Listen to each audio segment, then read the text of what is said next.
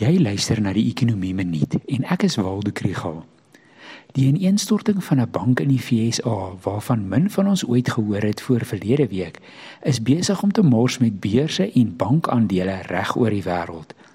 Wat het dit veroorsaak en wat het dit byvoorbeeld met Capitec te doen? Hierdie episode word ondersteun deur Genwell Finansiële Adviesdiens en die NWI Sakeskool. Silicon Valley Bank was die 16de grootste bank in die FSA en verlede week se stormloop die tweede grootste in die FSA se geskiedenis.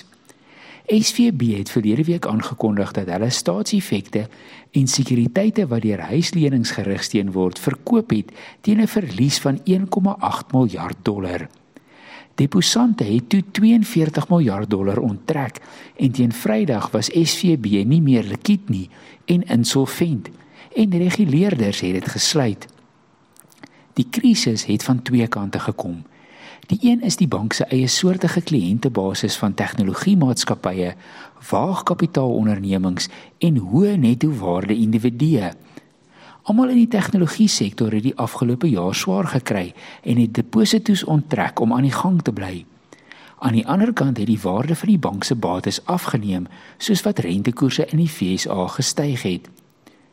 Op die oomblik lyk dit of die gevolge geïsoleerd bly tot die sektor en die FSA, maar beleggers is bekommerd oor sistemiese risiko. Dit is die risiko dat die mislukking van een bank die volgende een se bates in gedrang bring en weer 'n stormloop veroorsaak. Hierdie is daarom nie 2008 nie en reguleerders het lesse geleer.